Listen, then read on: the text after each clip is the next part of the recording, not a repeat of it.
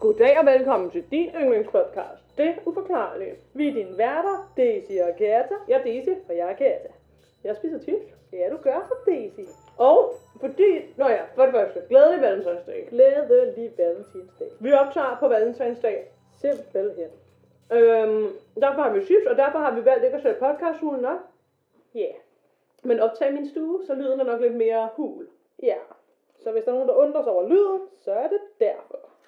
Så, ja. Ja, det er valentinsdag, altså. Hvad kan man gøre? Vi skulle også have noget fejring af den, ikke? Og det var Mm. altså, vi ikke gad at rydde op efter, at vi havde klippet. Eller Ja. efter vi havde optaget, hedder det. Ja, og vi kan sidde i en blød sofa, du. Hvis og hunden på skødet. Og... Okay, nu tager jeg de sidste chips of the, of the optagning, og så skal jeg nok slutte. The last airbender, hvad jeg vil sige, the last chips of the podcast episode. Will you be my valentine? Ja, og hvad skal vi have i aften, Katja, som mor her har købt ind til? Ja, som mamma har handlet ind til, du. Vi skal da have nachos. Nachos med ekstra. Eller, Med ekstra. eller med kærlighed. Hvorfor blev det så creepy? øh, I hvert fald. All the single ladies, all the single ladies, all the single ladies, oh, put your hands up, oh, oh, oh, oh. Okay. Du sprang mig slet i sangen der, var. Jeg har aldrig sagt, at jeg var musiker. altså, status pt er, at vi sidder i den her sofa, og Daisys hund Hedvig sidder ved siden af os, og øh, Daisy har lige puttet sådan en dims fra et gardin sådan over hovedet, så sådan, Det ligner en kyse. ja, så Hedvig ligner lidt, En lille fordyrt. Nå. ja, Hvad har du oplevet siden sidst? ja, hvad har jeg ikke oplevet, du? Øhm, ja, hvad har jeg oplevet? Skal vi lave podcasten om til en podcast om kærlighed i stedet for i dagens anledning? Så kan vi sidde og fortælle anekdoter fra vores liv. Nej. Så bliver folk i hvert fald deprimeret. wow. Uh, ja, i hvert fald. øhm, det spørger, kan jeg sige, ude der, hvor vi, mig og Daisy har jo lige lavet forestilling. Mm. Igen, igen, hvad jeg vil sige. Øhm, det spørger altså derude. Det tror jeg på. Øhm, jeg ved ikke, om det er noget, vi skal gå ned i detaljer om Du nødvendigvis. må da gerne øh, fortælle lidt mere i min nysgerrighed, er i hvert fald værd. Altså, der, jeg tror, der er en eller anden ældre herre, der spørger derude. Og hvad gør han ved os, hvad jeg sige? Jamen, jeg, jeg håber ikke, han gør noget, hvad det er, jeg vil sige. Men du ved, der er sådan, der hvor vi spillede vores forestilling, der, back, der i sådan backstage-område, der er der et lille badeværelse, hvad jeg vil kalde det, men Ja, der spørger altså derude. Og især derude, er der lidt en vibe ofte. Ja. Plus at den der, der er sådan en bruser, som sagt, på væggen, der bare tænder af sig selv nogle gange, Mm. og slukker igen af sig selv. Så det er lidt, øh, det, er- det er lidt mystisk. ja. Han vil have et bad, du. Og der er bare sådan en, der er også nogle gange lidt en vibe, eller sådan en feeling der backstage, synes jeg. Ja, der er sgu lidt creepy derude. Ja, Det er der sgu. Ja. Ja. Men ja, altså det, er- det er jo, hvad det er jo. Det er, hvad det er. Det er vist også en gammel øh, bondegård, tror jeg. Jeg tror faktisk, det er en gammel lade, lige i den bygning. Kan det ikke passe? Det kan sagtens passe, ja. Det tror jeg. Det kan sagtens passe. Ja, så kunne der da godt have nogle spøgelser eller tre. Mm. Ja, det kunne det. Ja. Så i går kom jeg igennem en meget lang dag, eller sådan, det var en hyggelig dag, men jeg skulle bare mange ting på halvanden time søvn. Ja. Det var, øh, det var virkelig, wow, jeg havde det dårligt til sidst. det var det, man kalder for RIP. Det var det virkelig, mand. Ja. Også fordi vi havde jo ruttet lidt op der lørdag, da vi var færdige med den sidste forestilling. Ja. Men jeg skulle lige tilbage til vores scene og tjekke, at vi sådan havde efterladt nogenlunde pæn, for der kommer nogle gange andre mennesker, ikke? Altså sådan, Ja. det er en sal, man kan booke, og vi havde jo ligesom kun booket den til forestillinger. Mm. Øhm, ja. Og øh, vi havde så ikke efterladt den 100%. Altså der var ting, vi havde overset i... Det er jo ikke nogen hemmelighed, vi lige drak et lille glas Nej, bare et lille efter sidste forestilling. Og øh, Bare et lille. det var vist godt, jeg lige kom og kiggede ind igen. Ja, okay. Det er okay. Det er Godt for os, hvad jeg vil sige. virkelig godt for os. Men jeg havde det godt nok rib. ja. Det havde jeg. Nok om vores forestilling, det er jo ikke en podcast om teater, vel? Nej, for søren. Jeg har simpelthen glemt, hvad det var i sidste uge. Hvem det var, der startede? Ja. Ja. Ja. Du fortalte mystiske kort. Hvad var det ugen før? Jeg kan simpelthen ikke huske. Du. Det er fordi, jeg synes, man laver så meget research, at man, man glemmer hurtigt, hvad der var for bare et par gange siden. Ja. Hvem os skal starte, du? Er det mig eller dig? Skal det være mig? Okay, du tager den, du. Jeg lænder mig lige frem mod mikrofonen her, så. Så sidder jeg tilbagelænet og lytter. Ja, ja, ja. Jeg skal tale om Tunguska-eksplosionen. Okay. Vi har alle hørt om den meteor, som efter sine skulle have udslettet dinoerne for mange, mange år siden. Ingen virkelig store meteoritter har ramt jorden de sidste mange 10 millioner år. Eller er det nu også helt sandt? Spørgsmålstegn. Okay. Ja. For noget tyder på, at kæmpe store sten fra rummet faktisk rammer jorden med, mel- øh, med jævne mellemrum. Eller er det nu også bare meteorer fra rummet, der rammer os? Dun, dun, Dong, dong, dong. Ved daggry omkring kl. 07.14 den 30. juni 1908 fandt en eksplosion sted i Tu, øh, undskyld, Tungang, oh my god, Tunguska i Sibirien. Det har så været et mysterium i øh, de sidste 100 år, der er gået sidenhen, hvad der forårsagede den her eksplosion. Mhm. Spekulationerne har raset sidenhen. Der er endda nogen, der mener, at den russiske revolution bare var et skalkeskjul for at dække over en nedstyrtet UFO her i Sibirien. Okay. Mm-hmm. Så, hvad forårsagede den her kæmpe eksplosion? Lad os dykke ned i det sammen. Øjenvidner, øjenvidner flere hundrede kilometer væk fra den her eksplosion beskrev, hvordan en gigantisk brand bredte sig over himlen. Og, øh, og de sagde at det var som om, at daggryet havde fået endnu en sol. Altså så kraftigt var den her. Og det er altså flere hundrede kilometer væk, de har kunne se det Ja. øh, hvad hedder, tusinder af kilometer væk, der ændrede solnedgangene så, altså karakter og farve. Og de, øh, for, der, blev, hvad hedder, der var beretninger for folk, de fortalte om, hvad de kaldte fanfare af mærkelige og skarpe farver på himlen. Altså flere til, tusinder af kilometer væk. Hele jorden rundt, der hørtes der ekko af, af, af, af, sådan, af hvad man beskrev som, det lød som om, at bjerge faldt. Ja, ja, og der var mange, der mente, at det var som om himlen havde besluttet sig for, at alting skulle ende. Altså sådan nærmest dommedagsagtigt, ikke? Ja. Mange var bange og undrede sig. Få dage senere, altså den 3. juli, berettede The New York Times om, og det er citat, det her, en sælsomme lys på nordlige himmelvælving. Hvad det så betyder. Videnskabsmænd troede i første omgang, fortalte artiklen, at soleksplosioner skabte elektriske forstyrrelser i atmosfæren, men senere så indså de så deres fejltagelse, da de kom i tanke om et lignende, him- et lignende himmellys, da en, en øh, vulkan ved navn Krakatau eksploderede i 1883. Og ja, øh, jeg gider ikke komme så meget ind på det, men det var en vulkan, der eksploderede, og det var så kraftigt, at man kunne se lyset helt i København.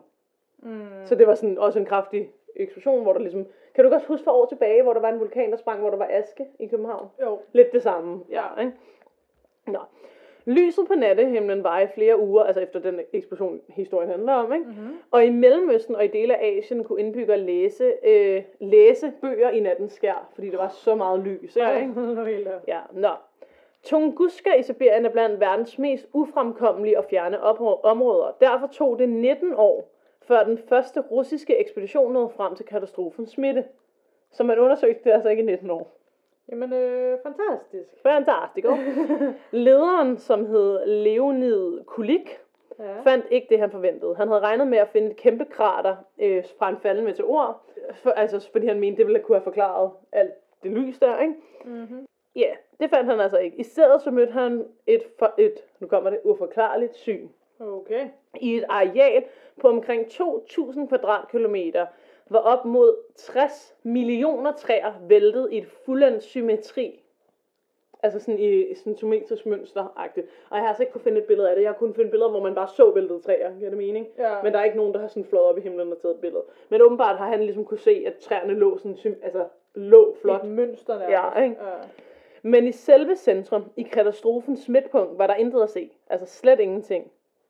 Og ødelæggelsen øh, havde en diameter på cirka 50 km. Mm-hmm. Så det er altså ret stort Ja. område, ikke? Oh. Nå, men i stedet for krater, øh, så fandt man altså i nærheden en lille sø, øh, skal det lige ses. Men Ja. åbenbart ikke det, han mente var midten, eller også har jeg misforstået det. Oh, Fordi ja. på 19 år kunne et krater jo godt danne en sø, tænkte jeg. Ja, ja, Men ja. jeg tror nemlig ikke, det var i midten, så ja. Ja, okay. I nedslaget væltede om øh, de her 60-80 millioner træer. Hed det så stille? Du larmer i mikrofonen, skat. Øh, Og vinduer, de knustes i byer, som var op mod 60 km borte. Ja. Nå, altså da den sprang, ikke? Øh, beboere i nærheden, de mærkede varmen fra eksplosionen, og der var rigtig mange, som blev slået om kul, og man mener, at hundredvis af rensdyr omkom i eksplosionen, og at øh, rystelser i jordskorpen blev registreret så langt borte som i England. Nedslaget var mindst, er du klar? Mm-hmm. 185 gange kraftigere end Hiroshima-bomben. Ja, Okay. 185 gange. Altså kraftigere, ikke? Så ja, og Hiroshima-bomben er jo den der under 2. verdenskrig. Ja. Ja, som jo var med kraftig, ikke? Mm. Selv i Danmark kunne man altså øh, se noget fra Tunganska, øh, hvad hedder det, og man mener, man har kunne se iskrystaller på himlen også i Danmark. I dag. Omkring 100 år senere, er der stadigvæk ingen, der med sikkerhed ved, hvad der skete den morgen i slutningen af juli øh, dengang. Selv om spørgsmålet har optaget videnskaben øh, gennem de her mange hundrede år, så, eller 100 år, så har hændelsen stadigvæk øh, ikke formået at være andet end et mysterium. Okay. Et mysterium, som konspirationsteoretikere over hele verden har taget glædeligt til sig. Ja, det er klart. Det er klart, ikke? Ja. Videnskaben mener, at forklaringen, forklaringen findes i universet, og der var tale om en slags dommedagsbegivenhed af samme størrelsesorden, eller hen af samme størrelsesorden, som det, der udslettede dinosaurerne fra vores planet. Men jeg har det sådan, de- det her, altså den her eksplosion udslettede trods alt ikke vores samfund. Men ja, ja. Mm. Ja, og derfor mener videnskaben også, at hvis det er rigtigt, at det var en sådan me- meteor-ting, der slog ned, så er det vigtigt at forstå, hvad der er sket, fordi så vil det højst sandsynligt ske igen. Ja. Så skal vi ligesom, jeg har det sådan lidt, men hvad vil de gøre ved det, altså sådan, hvis det kommer, ikke? Altså, nå, men ja, ja. Ja. Talløse ekspeditioner er foretaget til det her område, hvor det, ekspeditionen skete, men lige meget har det hjulpet. Ingen ved endnu, hvad der skete i Tunguska, undskyld. Nå, men der er selvfølgelig mange, der har øh, teorier, ikke? Mm. teori, altså mange forskellige teorier har været på spil. Der har været, som jeg har sagt mange gange, en masse ord, der brænder sig igennem atmosfæren og udrydde alt inden for en enorm diameter. Øh, men så er der jo igen det her, hvorfor der ikke er noget krater, hvorfor der ikke fundet nogle fragmenter fra øh, rummet i området. Der er også øh, den mest sådan, hvad kalder man det, populære teori blandt folk, der tror på videnskaben, er, at det er en form for sådan atmosfæriske eksplosioner fra en komet, som bare har passeret tæt på vores jord, men ikke har ramt. Og det på en eller anden måde skulle have skabt en...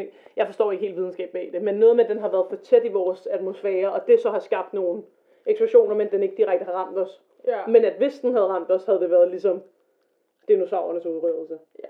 Det giver lidt mening, men jeg er ikke sikker på, at jeg helt forstår det. Så ja. Ja. Men der er også nogle ting, jeg er jo ret sikker på, at det bliver nedbrudt, når det kommer igennem atmosfæren. De Ja, ja, og så har det måske været så stor en sten, at det har skabt en eksplosion. Ja, alligevel. Jamen, der er jo nogle meteorer og sådan noget, der rammer os. Ja, ja, men det, jeg tror, der er meteorer, der rammer hver dag, for at være ærlig. Ja, ja, og så er de bare blevet brændt så meget ned, at Ja, præcis. Ja. Nå, men altså, de her videnskabelige teorier, de er altså ikke fyldensgørende, fordi der er en række løse ender, som gør, at man ikke kan forklare det, ikke? Ja. Øh, der er nogen, der mener, at det er en vulkan, som var i området, men man ikke vidste, så, så det skulle have eksploderet under jorden. Men det passer ikke så godt med øjenretningerne i området, eller i hele verden nærmest. Plus, så tænker jeg da også, at man ville kunne se det. Altså, de må da så have fundet, I don't know, lava, eller I don't know. Mm. Men jeg har selvfølgelig også nogle mere spændende teorier med. Ja, ja, ja, ja, ja. Du skuffer jo ikke. Nej, nej, nej, nej, nej. Nogle mener, at eksplosionen skyldes en nedstyrtet UFO, og at den russiske revolution i 1917 fandt sted, så vragdelene kunne bjerges, mens opmærksomheden var væk. Mm. Så en revolution var blevet sat i gang for at sådan, sætte fokus et andet sted hen, sådan, så, at de kunne, så Rusland kunne sådan, tage vragdelene for UFO'en i fred og fordragelighed. Ja. Ja. Øh, det forklarer, hvorfor den eneste spor af eksplosionen er 60 millioner væltede træer, fordi rumskibet altså skulle have været blevet fjernet og skjult for offentligheden. Mm. Nogle konspirationsteoretikere anser dog den her teori for det rene nonsen. De mener nemlig, at i stedet af katastrofen skyldes et mikroskopisk sort hul, hu- hul, hul, Hul. hu- hul, som passerede igennem jordkloden. Og jeg forstår ikke helt det her med sorte huller, men de Okay. mener altså, at der skulle have været opstået et sort hul, som så er gået igennem vores jordklode. Men så mangler den her teori så det, at der burde så også være en form for hul eller eksplosion på den anden side af jorden. Med mindre det sorte hul er forsvundet halvvejs igennem. Altså, men kan et tror- sort hul forsvinde? Så vidt jeg ved, og igen, jeg er altså ikke, ikke ligefrem ekspert på det her område, men Ja. så vidt jeg ved, så tror jeg, der er flere sådan forskellige teorier på præcis, hvad et sort hul er. Samtidig med, at jeg tror, at dem i verden, der ved allermest om det, tror jeg nok er enige-agtige om, hvad de mener. Hvad mener de der? Øhm, og jeg er ret sikker på, at en af sådan, de største teorier går ud på, at et sort hul ligesom kan fungere som en form for øhm, noget, der ligesom kan teleportere ting. Så jeg er ret sikker på, at der Nej, ligesom... er det ikke bare science fiction udgaven af det? Er, er et sort hul ikke i virkeligheden noget andet? At, Nej, det er også, altså, de, jeg er ret sikker på, at de virkelige teorier er også på den måde, det er bare at sige det, som at, det, at man teleporterer, det er en ekstrem forsimplet måde at sige det på. ja, okay. Øh, hvor sådan, det videnskabelige i det, hvis man har ret i det, er, det er lidt meget mere sådan, avanceret, ikke? Men øh, jeg tror... Altså, hvor at hvis der var et sort hul her foran mig, og jeg gik ind i det, ville jeg komme ud et andet sted? Hvis jeg overlevede. Jamen, Jeg tror, altså igen, jeg er ikke ekspert på, på det, men jeg tror lidt, det er sådan, man forklarer det, for at sige det simpelt. Men jeg tror, men i virkeligheden er det ikke sådan, det fungerer, tror jeg. Jeg ved, ikke, jeg, ved- jeg, ved godt, det ikke helt giver mening, det jeg siger. Ja. Men øhm, det er fordi, jeg jo ikke selv helt ved det med sikkerhed. Nej. I hvert fald, der var ikke noget sort hul, der kom ud på den anden side af jorden. Okay. Måske har den suget jorden i Nissa, og lige nu er vi i et sort hul. Mm, Wow. Nå, ja, det var en dyb tanke. Nå, men altså, det, der er også nogen, der bare mener, at det den her eksplosion skyldtes, at videnskabsmanden Nikola Tesla, som vi jo alle sammen kender, skulle have arbejdet med at sende energi gennem luften, og han så udførte et kæmpe eksperiment her, der gik galt. Ja. Og så teorien går så på, så vidt jeg har forstået, at han så skulle have været taget ud i ingenmandsland, fordi han godt vidste, det var farligt. ja. Men burde han så have været død der? Men der findes også en anden tanke, nemlig at Leonid Kulik, den oprindelige ekspeditionsleder, aldrig fandt eksplosionens øh, epicenter eller ikke? Mm-hmm. men at den faldende meteor, som ville løse gåden, hvis krateren havde været der, faktisk faldt fra himlen i få, øh, og, i, altså faktisk faldt ned fra himlen og oplyste, øh, hvad hedder det, alting, Mm-hmm. kan det mene, det jeg siger? Ja. Men at han bare ikke har fundet den, fordi at han har gået hen til det forkerte midte, men at midten i virkeligheden var et andet sted. Ja. Men der har det sådan her, så har vi haft 100 år til at finde den. Så, Øh, ja. Den seneste forklaring, jeg har kunne finde, blev foretaget af en italiensk videnskabsmand øh, på et universitet i Bologna. Bologna, Bol- Bologna, eller hvor det var. De mener, at den lille indsø, eller den lille sø, jeg snakkede om tidligere, faktisk øh, har usædvanligt stejle bredder, og at den er meget yngre end andre søer i området. Og at det skulle have været her, at meteoren ramte, og så at det skulle være epicentret. ja. Og deres undersøgelser tyder på en metalgenstand under bunden, som kan være rester af meteoren. Og så har jeg det sådan her metalgenstand. Det kunne jo også være en UFO. Ja. Eller noget i den stil, ikke? Nå, sidste år, eller da jeg en artikel, jeg læste, skrev sidste år, så det er nok for lidt år, et par år siden, regnede forskerne ved NASA sig i øvrigt frem til, at eksplosionen måske ikke var helt så kraftig, som hidtil troet. Mm. Øh, og det, men det er åbenbart dårlige nyheder, for det betyder, at risiko for, at jorden bliver ramt endnu en gang af en katastrofe, ligesom den, der var i Sibirien, altså måske kunne ske hver 300 år, og ikke hver 3000 år, som man førhen har troet. Det betyder, at vi har større chance for, at der kommer en ord, der laver så stor skade. Ja. Inden for nærmere tid.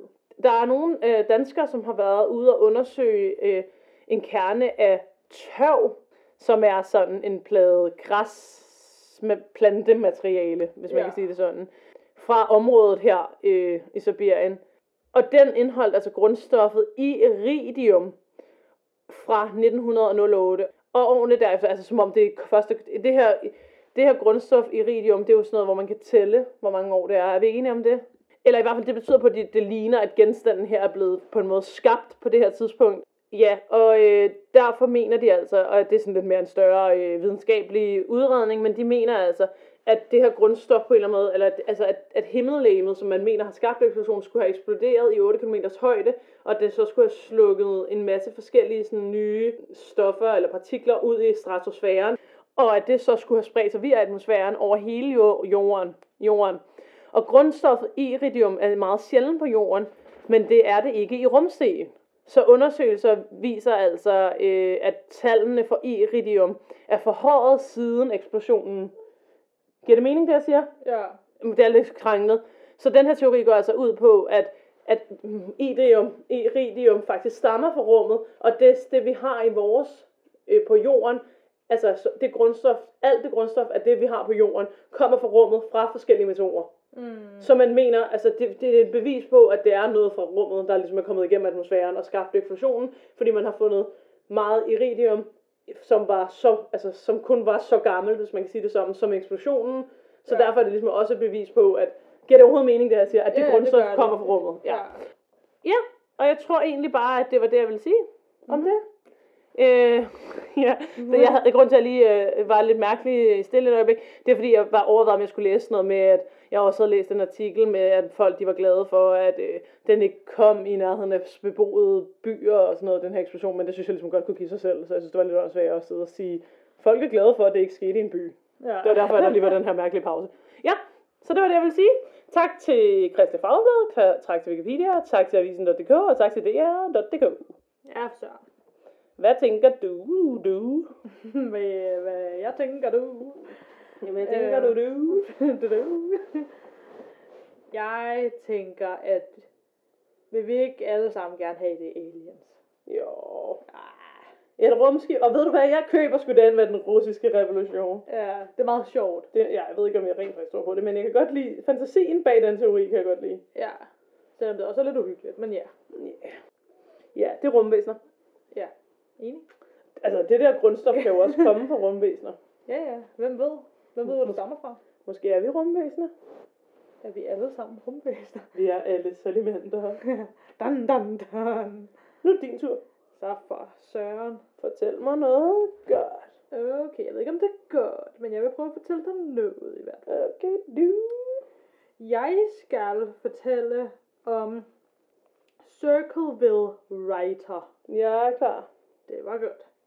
I 1976 i byen i Circleville i Ohio, USA, var der flere beboere, der begyndte at modtage mystiske breve fra en anonym person. Brevene indeholdt personlige informationer om deres liv og hverdag. Jeg jeg kigger på dig. Det var fordi, jeg synes, det, det er ret creepy. Det er creepy. Buschaufføren Mary Gillespie var en af dem, som modtog et brev, og her stod der skrevet, at hun havde en affære med forstanderen af en skole. Forfatteren af brevet skrev, at de havde observeret Mary i hendes hjem, og at de kunne se, at hun havde børn. Der var ingen returadresse på brevet, og cirka 8 dage senere modtog Mary endnu et brev, hvor der stod næsten det samme. Hun holdt brevene hemmelige, lige indtil hendes mand Ron også modtog et lignende et.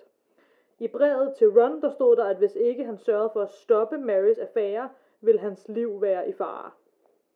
Efter cirka to uger modtog de flere breve, og personen bag dem troede nu med at offentliggøre Marys affære ved at skrive det på billboards og snakke om det i radioen. Okay. Ja. Mary og Ron fortalte på det her tidspunkt kun tre personer om brevene. Det var så Rons søster og hendes mand Paul og Rons anden søster. Mary havde en idé om, hvem det kunne være, der sendte brevene, så de fik Paul til at sende et brev til den her person, hun mente det måske var, hvor i han skrev, at de vidste, hvem personen var. Efter det, så gik der flere uger, hvor de slet ikke modtog nogen breve. Så det virkede umiddelbart som om, at okay, det var den person, og det var ligesom det. Ja. Det var altså lige indtil den 19. august 1977, hvor Ron fik et telefonopkald fra den stadigt anonyme brevskriver. Opkaldet gjorde dog, at Ron følte, at han blev bekræftet i Marys teori om, hvem det var, så han tog et våben og kørte afsted i sin pickup truck. Brevskriveren havde dog, og det skal lige siges, at det var jo øhm, i Ohio, så, jeg, ja, altså, så vidt, sådan som jeg har forstået det, så var det lovligt, han havde det her våben. Mm-hmm. Øhm, ja, bare lige som en sidenote. Øhm, brevskriveren havde dog også i nogle af brevene beskrevet, hvordan personen overvågede ikke blot huset, men også specifikt Rons pickup truck. Og få minutter senere, så blev Ron fundet død i pickup trucken, fordi at den var kørt ind i et træ. Hmm. Efterforskere fandt efterfølgende ud af, at han havde affyret i hvert fald et skud fra hans våben, før han crashede ind i træet. Hmm. Det synes jeg især er, Det er interessant. interessant ja. Ja. Sheriffen Dwight Radcliffe, ja, Radcliffe, øhm, udspurgte mindst én person, så vidt man ved, og fjernede så vedkommende som mistænkt fra sagen, efter at han havde udspurgt personen. Ja. Hvem var ham der person, de alle troede, det var? Det ved man ikke. Det er ikke sådan blevet offentliggjort på den måde. Så det ved man ikke. Nå, okay. Der er nok nogen, der ved det, men Ja, ja. vi ved det ikke, hvad jeg vil sige. Offentligheden ved det. Offentligheden ved det ikke, du. Øhm, ja, nå, men ham her sheriffen havde så åbenbart snakket med en eller anden og fjernet personen som mistænkt. Bagefter sagde øh, Dwight, sheriffen her, at Rons død var et uheld, og at han må have, måtte have øh, mistet kontrollen over køretøjet og kørt ind i træet, fordi han kørte, mens han var fuld. Efterfølgende var der flere beboere i området, som modtog anonyme breve, hvor der stod, at Radcliffe havde været med til at dække over sagen og over, hvad der virkelig var sket. Ifølge Paul, som jo var en af Rons søstres mand, øh, Ja. han havde snakket med ham her, sheriffen Radcliffe, kort efter ulykken, og han påstod, at han på det tidspunkt havde sagt, at det virkede som om, der var nogen, der havde en finger med i spillet. Så det er mærkeligt, hvis ifølge Paul, så har sheriffen sagt, at det virker lusket det her. Ja. Og så efterfølgende er sådan, det var et uheld. Ja, he, he, he. Ja, lige præcis. Okay. Men åbenbart så skiftede Radcliffe også mening om det hele, efter at den mistænkte havde bestået en øh, løgndetektortest. Så den her, der var mistænkt et kort øjeblik, Ja. havde de åbenbart haft med i sin løgndetektortest. Øhm, og så var det efter den, at Radcliffe især var sådan, okay, det må have været et uheld. Men man kan jo godt fake en løgndetektortest, ja, hvis man virkelig er god til at hvis kontrollere man er god nok, ja. Eller hvis man er totalt psykopat, der bare ikke bliver nervøs. For det er jo, sådan, det, er jo det, den slår ud på hjerterytme og så. Ja, lige præcis. Det er det. Altså, de er jo heller ikke 100% sikre, det er de Det bare er ikke. jo ikke, nej, nej. Men ja. Men det der så også var uheldigt, jeg ved ikke om det var uheldigt, men det der så også var med det, det var, at da man målte Rons alkohol i blodet, så var den på det dobbelte af den lovlige mængde. Mm. Øhm, og mange af Rons venner og familie var faktisk overrasket over det her, fordi de anede ikke, at han- han overhovedet drak særlig meget. Øhm, så det kunne også lidt lyde som, at han måske var lidt alkoholiker, men han måske Skjult. det. skjulte, eller og han var så måske så vant til at drikke, at man ikke Ja, eller kunne lægge mærke han til det. fået noget indenbords af, altså ikke, altså, Fået sprøjtet noget ind i sig, ja, efter han var crashet. Ja, ja, eller Mm. på en eller anden måde blevet tvunget til at drikke, og så sat sig ud i bilen. Ja. øh, Der, er- ja, ja, Ja. der er i hvert fald der er flere teorier her, eller Ja. der er flere ting, der kunne være sket der, helt sikkert. Ja. Øh, Mary og den her skoleforstander, som hun efter sine havde en affære med, indrømmede senere, at de havde et romantisk forhold til hinanden, men at de først var begyndt efter, at de havde modtaget brevene. Hvad? ja, Så det der med affæren var løgn til at starte med. Men så har Mary tænkt, jamen det var egentlig en god idé, du. Måske. Altså, jeg tror lige den del er også sådan lidt hemmelig, fordi teknisk set, altså det er jo bare, hvad de siger. Teknisk set, så ved man ikke helt sådan, okay, havde de allerede en affære, eller skete det reelt først bagefter? Øhm, Men det er også mærkeligt, hvis man får creepy brev. Hvis jeg fik creepy, creepy brev, hvis der skrev til mig, øh, din nabo er lækker, du kan godt lide din nabo, ham knaller, du vil jo ikke tænke, at det skal jeg. Altså, så vil jeg jo tænke, ja, øh, Jamen, det- det- det er altså, bare- forstår du, hvad jeg mener? ja. Åh, det er bare Ja. mystisk, det hele Ja. der, ja. Øhm, I øh, februar 1983, der blev Mary øh, chikaneret under en bustur. Hun var også buschauffør. Ja. Øhm, hun, under den her bustur, der finder hun ud af, at der var blevet placeret troende skilte, der ligesom var rettet mod hende, langs hele hendes busrute. Åh, oh, det er creepy. Ja, og hun tænkte så, at det formodentlig måtte være placeret af den her brevskriver. Ja. Øhm, en dag, så, eller ikke en dag, men samme dag, som det, de var, hun så dem, Ja. så fik hun så nok og besluttede sig for at tage skiltene ned. Og da hun nærmede sig det første skilt på ruten, så opdagede hun en fælde, der var placeret på skiltet, som havde til intention at dræbe hende. Og med det, der mener jeg, at der var ligesom en lille boks lige under skiltet, med sådan en pistol indeni, og hvis man ligesom hæv i skiltet på en bestemt måde, så ville pistolen blive affyret. Åh, oh, det er creepy. Det er virkelig Men også det, der kunne gå ud over en helt uskyldig person, hvis Ja. personen bare lige havde tænkt, hvad er det her? Ej, Præcis, det kunne det nemlig. Ja. Det, det, ja, det er så sygt på så mange måder. Ja. Øhm, ja, det der så er med det, det er, at alle pistoler har ligesom et serienummer. Og serienummeret på den her pistol var blevet forsøgt at blive sådan skrabet af, så man ikke kunne se det. Men åbenbart på sådan en amatøragtig måde, så politiet kunne sagtens genskabe, hvilket nummer der havde stået. ja okay. Og de fandt så frem til, at pistolen tilhørte Paul, Som var bruger af... som var Rons søsters bror, ja. eller mand hedder det. Ja. ja.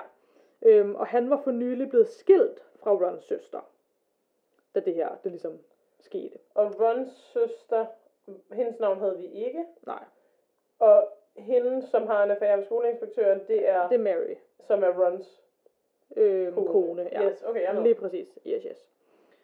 Øhm, ja. Yeah. Paul, han øh, hævdede dog, at pistolen for nylig var blevet stjålet fra ham. Meget, ja, meget belejligt.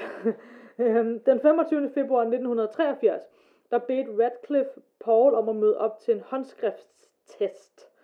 Det var svært at sige. Ja, op. Og her blev han bedt om at forsøge at kopiere håndskriften fra brevene, så han blev bedt om at prøve Efterligne. at efterligne dem. Ja. Ja.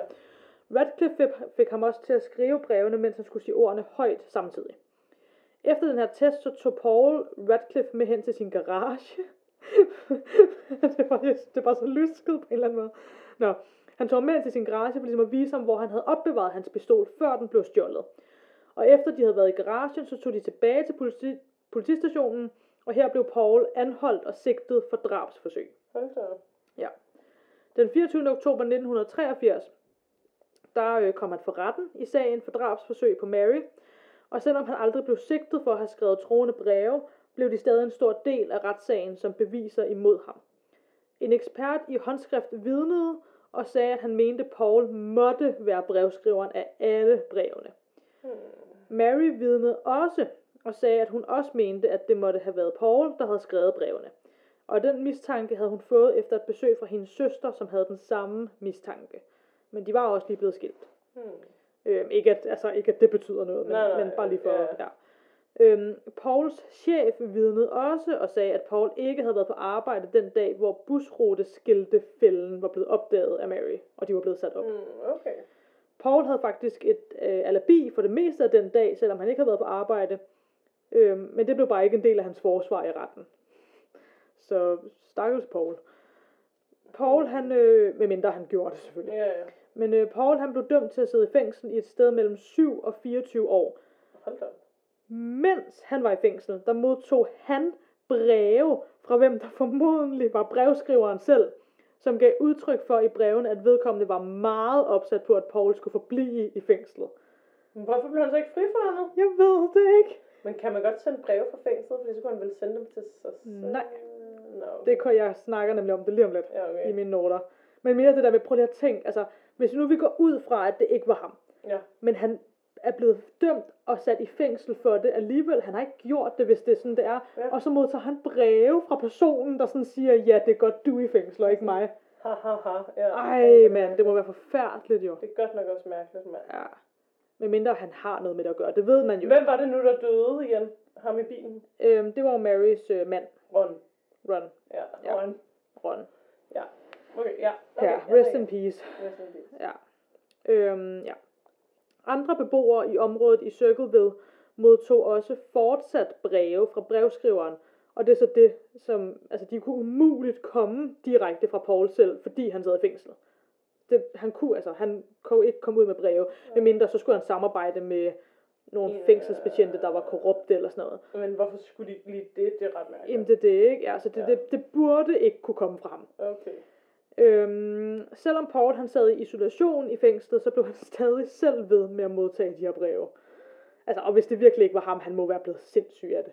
Ja, også hvorfor de ikke bare lavet være med at give ham dem? Ja, ej, det, men jeg tror, men der er jo også noget, nu ved jeg selvfølgelig ikke præcis, hvordan reglerne er i USA, men i hvert fald i Danmark, altså selvom man sidder i fængsel, jeg tror der stadig, har man ikke, har man ikke stadig ret på, at, nå nej, det har man jo, jeg skulle til at sige, man har stadig ret på, at brevene skal jo være, der, de må ikke blive åbnet og sådan noget, men der er vist, der er vist nogle andre regler i fængslet. Jeg tror i fængsel, tror jeg, man læser breve. Jeg skulle lige at sige, netop fordi, at det er Det kunne være alt muligt bullshit, ikke? præcis. Det kan også være, der er forskel på, hvad du er blevet dømt for, måske. Ej, jeg tror, alle Ja. bliver læst. Men det er rigtigt, ja. Altså også fordi, man kan vel skjule alt muligt breve. Ja, ja, og- præcis. Der ja, man kan jo smule ting ind og sådan noget. Ja. Ja, Det var en dum tanke, jeg lige havde. ja. Ja. Ja, du er dum. ja, for så ja. Nå. Øhm, I december 1990, der fik Paul grønt lys til at, at blive prøveløsladt. Hmm. Øh, altså han fik grønt lys til det, men han fik så ikke lov til at køre det, fordi beboerne i byen stadig modtog uhyggelige og mystiske breve, selvom han nærmest på ingen måde kunne være den person, der stadig sendte dem. Men beboerne var simpelthen for bange, så han fik ikke lov alligevel. Hmm. Igen, så synd for ham, hvis han rent faktisk ikke har gjort noget. Ja, var det mærkeligt. Ja. ja. I maj 1994 blev han så endelig prøveløsladt for real, og han bliver ved med at sige, at han var uskyldig, og identiteten på brevskriveren er stadig et mysterie. Men igen, det kan jo også godt virke lidt som om, der også var det der med, at sheriffen var sådan, der er noget lusk med i spillet, og så kort efter, så han sådan, nej, det var bare et uheld. Altså, det kan jo også, jeg tænker bare, om den her brevskriver på en eller anden måde har haft meget stor magt eller indflydelse, og ligesom har kunne påvirke Ja. både at det blev ligesom sagt, jamen det var et uheld, men også at Paul han ligesom blev ved med at være i fængsel. Ja, om han er, men hvis man er så magtfuld, hvorfor skriver man så breve til alle mulige randoms? Altså, har man ikke noget bedre at bruge sin tid på? hvis nu man får et kick ud af det, altså det er så sygt i hovedet, men Ja. hvis man får et kick, altså jeg tænker bare, Et seksuelt kick eller sådan noget? ja, eller sådan Ja. et eller andet, altså jeg ved det jo ikke, men, Nej, men ja. det er mærkeligt. Ja. Ja. Øhm, journalisten Martin Jant forsøgte at kigge på sagen, og fandt blandt andet ud af, at der cirka 24 minutter inden Mary tjekkede det der skilt med fælden ud, der stod der åbenbart en mistænkelig person ved præcis det skilt og fiflede med noget. Hmm. Det var en anden buschauffør på samme rute, der havde set den her mistænkelige person. Og ved siden af personen, så havde der holdt sådan en gammeldags bil. Øhm, jeg fik ikke lige med præcis, hvad for et mærke af bil det var, men det var åbenbart sådan ja. En gammeldags bil, der så er nem at genkende, for der er ikke så mange, der vil ja. have den Ja, ja. på den måde. Øhm, og man så fandt så frem til, at den her mistænkelige persons bror ejede præcis den type bil. Pauls fysik passede ikke til, hvordan den her person så ud, og han havde desuden heller ikke adgang til sådan en bil, så vidt man ved. Og hans alibi for den dag dækkede også det her tidspunkt, den mistænkelige person var blevet set ved skiltet. Okay. Øh, men, hans, men det der med hans alibi, han havde en alibi for hele dagen, men det var Det også det, de, han Ja, kom ja. stadig i fængsel, de var ligeglade. Ja, det var lige godt. Øhm, nylig information, som ham her, journalisten Martin Jant og andre har snuset sig frem til, foreslår, at øhm, der var tre personer involveret i brevskriverierne. En af de tre personer i den her teori skulle så være sønnen til den forstander, Mary måske havde en affære med. Okay. Nummer to person mener, de så skulle have været en af Marys kollegaer, som var forelsket i hende. Mm-hmm. Og den tredje person skulle så have været Rons søster og Pauls ekskone. Ja, for hende tænkte jeg også på, at hun kom meget neutral igennem det hele. Præcis. Det ville, hvis det her havde været en barnebikrimi, Ja. så havde det været hende. Ja, lige præcis. Ja. Ja. Men altså, det der med Marys kollega, som var forelsket i hende, det er, sådan, det er lidt random, men det giver også god mening. Jeg bortset fra, hvorfor skulle han sende brev til alle mulige andre i byen? Jamen, det er måske for at prøve at forvirre politi og sådan noget. Ja, Men jeg tænker bare, det giver mening i forhold til det der med, sådan, hvis han er sådan sygeligt forelsket i hende. Men hvorfor skulle han så skrive, at hun havde sex med en, hun ikke havde sex med? Hvis han bare vil, hvis hans, op, hvis hans mål var at prøve at få øh, Mary til at gå fra Ron eller omvendt. Ja, Så hun ligesom blev single, og så kunne han prøve at være sådan, hallo. Damn, altså. Jeg er single herude på Valentine's. Tip. Nej. Men det var joke. Øh, ja, nå. Og det der med sønnen til forstanderen giver også mening, hvis de rent faktisk havde en affære og sådan noget. Altså, selvom det Ja. sta- igen, lad være med at sende sådan nogle breve, eller altså det er fucking, det er bare nej. Det er mærkeligt. Det er no-go, men, men ja. Øhm, ifølge den her teori, så hænger det så sammen med, at den mistænkelige person med den her gammeldags bil, som efter Sines, øh, eller ja, at den her person så efter sine skulle have været Rons søsters nye kæreste. Fordi det passede åbenbart Mm. på med bilen, altså med brorens bil og det hele. Ja, okay. At det passede faktisk på hendes nye kæreste. Okay. På trods af de her spekulationer, som jo allerede var der dengang sagen ligesom skete, Ja. så fastholdt politiet, at det måtte være Paul, der var brevskriveren. Hmm. Der er, og igen, stakkels Paul, hvis ikke han har gjort noget. Ja. Der er også en teori, der dog går ud på, at det brevene skulle være, øh, at brevene skulle være skrevet af Mary selv. Hmm. Og at hun fik personlige øh, informationer om naboerne, der også modtog breve fra børn på hendes busrute. Så hun spurgte sådan børn på hendes busrute sådan, om personlige informationer om deres familie og sådan noget. Ja, eller overhørte det, når de sad og snakkede. Ja, eller- præcis. Ja. Ja, og at hun så stjal og brugte Pauls pistol for ligesom at forvirre efterforskerne. Hvad hendes motiv til at skulle gøre det, det er, det ved jeg ikke lige. Øhm, det Det kan, kan... hun gerne ville have en affære til inspektøren, og så ved at stære rygter, så startede hun den der, når først tanken er slået ned. ja, wow, men det alligevel, hold nu helt op. Ja, det er next level. Ja, Men det ville give mening, hvordan hun vidste så meget om alle, hvis hun var buschauffør. ja, ja Og man vil, sidder jo og snakker om alt muligt. og det ville give mening, hvis nu at hun også hun har kunne fifle med den der pickup truck og sådan noget. Altså, ja, der er mange ja. ting, hun har kunne gøre, og hun har kunne også sætte de der skilte op, eller fået hjælp til skiltene, og så selv været sådan, lavet som hun går hen til den, og så, hov, der er der en fælde, og så, Ja, altså, ja. Der er mange ting, der ville faktisk have været nemt for hende at Ja, gøre. det, vil- det kan også være, hun bare er sindssyg. Altså, gerne vil have opmærksomhed. Ja, ja, at hun har et eller andet motiv, vi ikke lige forstår noget. Ja, eller sådan gerne vil føle sig speciel, eller... eller føle sig hørt, eller... Ja, ja. Og så er Ja. det taget overhånd, og så hun synes, det var sjovt at blive ved, eller... Ja. Ja, og så har hun måske altid hadet hendes mand, så det var fint, han døde. Øhm, det var ret groft sagt, men i hendes, hvis I det var... hendes verden, ja, ja. øhm, og, Og så var hun ready to... Øh, og hun, var, hun har snakket med søsteren, hun vidste måske, at de skulle skille, så de var klar på ligesom at ofre søsterens mand, at han kom i fængsel, og Ja, jeg ved det ikke, men ja, det er i Ja. hvert fald også en teori. Øhm, Ja, det er en teori. ja, det er det. Det er, der er jo også den teori, at det virkelig er en eller anden suspicious, man ikke, altså, som At ikke det sådan er en noget, helt femte person. ja, som man ikke har noget med at gøre. Ja, der bare har fucket. Gardner. Ja, ja, ja, præcis. Eller butleren, der bare har fucket alle de her liv op med Ja. det her. Ja, ja. ja. Nå, øhm, det der så også er lidt sjovt, det er, at en håndskriftsekspert har sammenlignet brevene med Pauls skrift. Ja. Øhm, altså det er sådan i nyere tid, en håndskriftekspert, Ja. der har gjort det, og forklaret i detaljer, hvorfor at det må være den samme person. Altså at Paul og brevskriveren okay. må være de samme. Og det var faktisk også det, den håndskriftsekspert, der vidnede i retten sagde. Ja. Og nu er der så også her i nyere tid en håndskriftsekspert, der kigger på det og siger det samme. Ja. Men det går bare imod alt det andet, at Paul havde alibi og alt det der. Så det er Ja, meget mystisk Det der. er meget mærkeligt. Ja. Men at de har været to om det. Med mindre, ja, præcis. Ja. Så ja, så mange af brevene, de ligesom, det var, for det var også en ting, jeg tænkte på, om de så bare var blevet skrevet på forhånd af Paul, så det var hans skrift, men så da han var i fængsel, så havde han en, der Ja, hjalp ham med at sende skriften dem. har ændret sig, efter han kom i fængsel, og det er en anden, der så har taget op. Ja, det er ikke til at sige. Men ja, hvem eller hvad, for den sags skyld, der så end skrev alle de her breve, er dog stadig uopklaret og uforklarligt. Ja. Jeg vil gerne sige tak til unsolvedmysteries.fandom.com, CBS News og skiotopost.com. Hmm. Og før vi går videre, hvad jeg vil sige, så har jeg lige et billede af, hvis han er uskyldig, stakkels Paul. Så kan du se, hvordan han så Han ud. ligner virkelig en fra en krimi. Ja, det gør han faktisk. Han er lidt buttet, Men- har overskæg. Selv, han ligner lidt sådan en... Øhm, hvis man har set Twilight, en lidt tykkere udgave af Charlie, Bellas far. Er det Ja, rigtigt? jo, det er faktisk rigtigt, ja. Men også sådan lidt, lidt mere uskyldig på en eller anden måde. Han så sådan... Jamen det er det, han ser nemlig super uskyldig ud, og Ja. det siger jo ikke noget, hvordan han ser ud. Altså. Nej. Men hvis man, te- ja, hvis man går med teorien om, at han er uskyldig, og man kigger på det her billede, så tænker man virkelig bare, ribt ej, hvor er det synd, Ja. altså. Stakkels Paul. Men ikke stakkels ham, hvis det er ham, der gjort det. Ikke stakkels ham, hvis det er ham, fordi så, ja. Ja. Ja, Nu samler hed vi pinde, kan vi høre. yeah. Gode gamle pinde. Ja, men vi nåede jo lidt og allerede... Tak, Hedvig. Tak, at du gad komme med den til mig. Hvad hedder det? God pinde, god, God pind, god pind.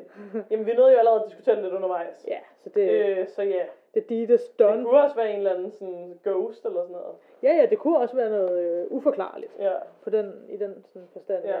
Det kunne det sagtens. ja. Eller jeg tænkte også på sådan noget med, sådan, hvis det faktisk er Paul, der har gjort det, men at det er fordi, der er noget, der har besat ham ind imellem. ja. Uh, så han ikke selv ved, det er ham. Ja.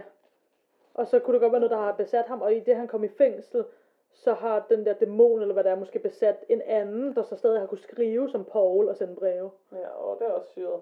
Og så er der også dæmonen, der sådan har sendt breve til Paul, og været sådan, hehe, nu fik jeg dig i fængsel. og en, en, en dæmon, der også har god humor. Ja, wow, nederen. Men ja, det er i hvert fald uforklarligt. Ja, it's a bummer. It's a bummer. Ja. Ja. Skal vi have det ugens lys, eller hvad? Vi skal have det ugens lys. Jeg har et øje. Hvad? Ja, jeg har et ugens lys. Nå, jeg synes, du sagde, havde et øje. Jeg var sådan, hvad? Ja, vi skal have nachos om lidt. Vi skal nok tage os. Og jeg har fået en valentinsblomst af mine veninder. Yeah. Ikke mig. Nej, du. du kan få øh, nachos. Ja.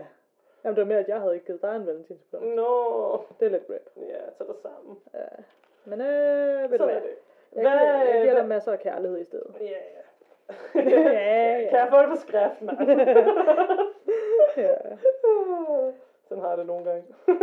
Vi har faktisk ikke, altså, nu har vi snakket så meget om Valentinsdag, men vi havde egentlig ikke overvejet at sådan gøre det her til sådan en Valentins special episode. Jeg overvejede det, men der havde jeg allerede lavet min sag. Ja. Og jeg havde ikke tid, fordi vi havde lavet forestillinger til at lave en ny. Ej, Men jeg havde overvejet at lave et eller andet sådan Ja. mysteries, eller sådan Ja, for det- Valentine's mysteries. men det kunne man nemlig virkelig godt have gjort. Ja. Next year. Next year, næste år, ja. Næste år. Næste år. Næste år, næste år. Din tur til ugens lys. Okay, ugens lys. Ja. jeg, jeg, jeg, jeg, øh, tænker lige, ikke? så lys. Så gik der tid med det. Vi fik noget at bruge tiden på. Oh yeah. Øh, øh, hvad kan mit lys være? Hvorfor skal det altid være så svært og så akavet? Der sker jo masser af gode ting i ens liv, Men tydeligvis ikke for dig. når man fokuserer på det. Jo, men når man sådan kommer on the spot og skal sige noget, så er jeg sådan, Og nogle gange så forbereder jeg det jo på forhånd, fordi så sker der et eller andet godt, og så tænker jeg sådan, uh, det kan jeg sige i ugens lys. Men det har jeg bare ikke gjort den her gang. Hmm. Vil du så se en ugens mørke i stedet? Ej, det er også lidt... Jeg skal sige, det er lidt dystert, men det er også bare... Måske skulle vi indføre det i starten af afsnittet. skulle... Det her er sket, som jeg synes var fucking ned. ja. Altså, det er jo meget ægte, kan man sige. Det er ret ægte. Øhm, Os lige gøre det. ugens, ugens Så i starten af verdens afsnit, nu skal vi sige noget, der har været nederen i den sidste. Ej, så ved jeg ikke, om vi sætter for meget fokus på det. Så går vi bare rundt og bliver deprimeret. Men Ja. det ene er god. Ja. Altså, en, altså, der sker jo altid... God altså forstå mig ja. ret, men der sker jo altid gode og dårlige ting i ens liv. Så sådan, det er jo også bare, hvordan man ser på det. Altså, jeg kan godt, nogle gange er det jo simpelthen for rip, eller for sørgeligt, eller for et eller andet, så man kan gøre det nødvendigvis. Ja. Men ellers, det ved jeg, du også kan. Altså, vi kunne godt lide at sætte humor på det så. Ja, ja. Altså, Øhm. I skulle bare vide, hvor meget rap der sker i mit liv, hvor jeg står tilbage og tænker, i det mindste har jeg en god historie nu. Ja, ja, præcis. altså, det er virkelig, det er som om, altså det har vi tit snakket om, men mit liv er virkelig en dårlig komedie eller sådan noget, hvor at hver gang man tænker, når nu sker der et eller andet fedt eller sådan noget, og så sker der lidt twist, hvor det alligevel ender med, at jeg bliver røvrendt, eller sådan bliver gjort til grin eller sådan noget, og så står jeg tilbage sådan, hvad? Ja. Men altså, jeg får ret mange grin ud af mit eget liv, altså lige når jeg er ude af situationen igen, ikke? Ja. Det er også fordi, jeg er også uheldig, for det første.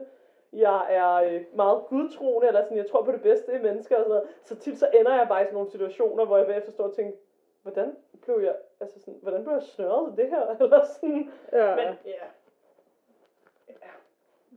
ja. Ja, Ja. og det er derfor, jeg er single. Ej. Det er også i andre sammenhænge, ikke? Altså, det er bare sådan generelt, det kommer bare tit ud for sådan, Ja, ja, ja. det kan komme bare tit ud for mærkelige ting, hvor man er sådan, hvad? Ja. Men det er sjovt. Jeg har gode historier. Det er det da. Jeg har en masse gode historier. Ja. Din mor har gode historier. Undskyld, undskyld. Det har hun da. Undskyld, lytter. Det har hun da. Jeg kunne ikke lade være. Det er vores nye joke, fordi det er den bedste joke nogensinde. Fordi den er bortset, så- Bortset fra rib. Bortset fra, bortset fra rib. Ja. Men det er også bare fordi, det er bare så åndssvagt. så det er bare det, der gør det så godt. ja. Nu skal du også sige dit ugens lys. Ej, altså, okay. Øhm, Jeg, jeg kan sige dit ugens lys. Okay, wow, se, det er next level. Det er next level. I lørdags var du pissestiv. Øh, nej, jeg var. Og det var smukt. det er jo tak, jo tak. Det var en smuk begivenhed. Altså, hun var ikke sådan kastet op. Hun havde det bare godt. Jeg havde det sjovt. Vi havde det sjovt. Vi havde det sjovt, du. Vi havde det sjovt, ja. Ja, så da vi stod og dansede alene i en sal til thriller. ja, det er ikke engang løgn. Altså, vi var ikke helt, altså sådan, der var andre mennesker, ikke? Jeg tror ikke kun os to. Men vi var jo ikke så mange. Vi var jo hvad? 5, 6, 7 personer Syv eller sådan personer, noget. Ja. Ja. Men det Det er føltes, også et som, godt om, antal. det føltes som om, vi to var alene med thriller.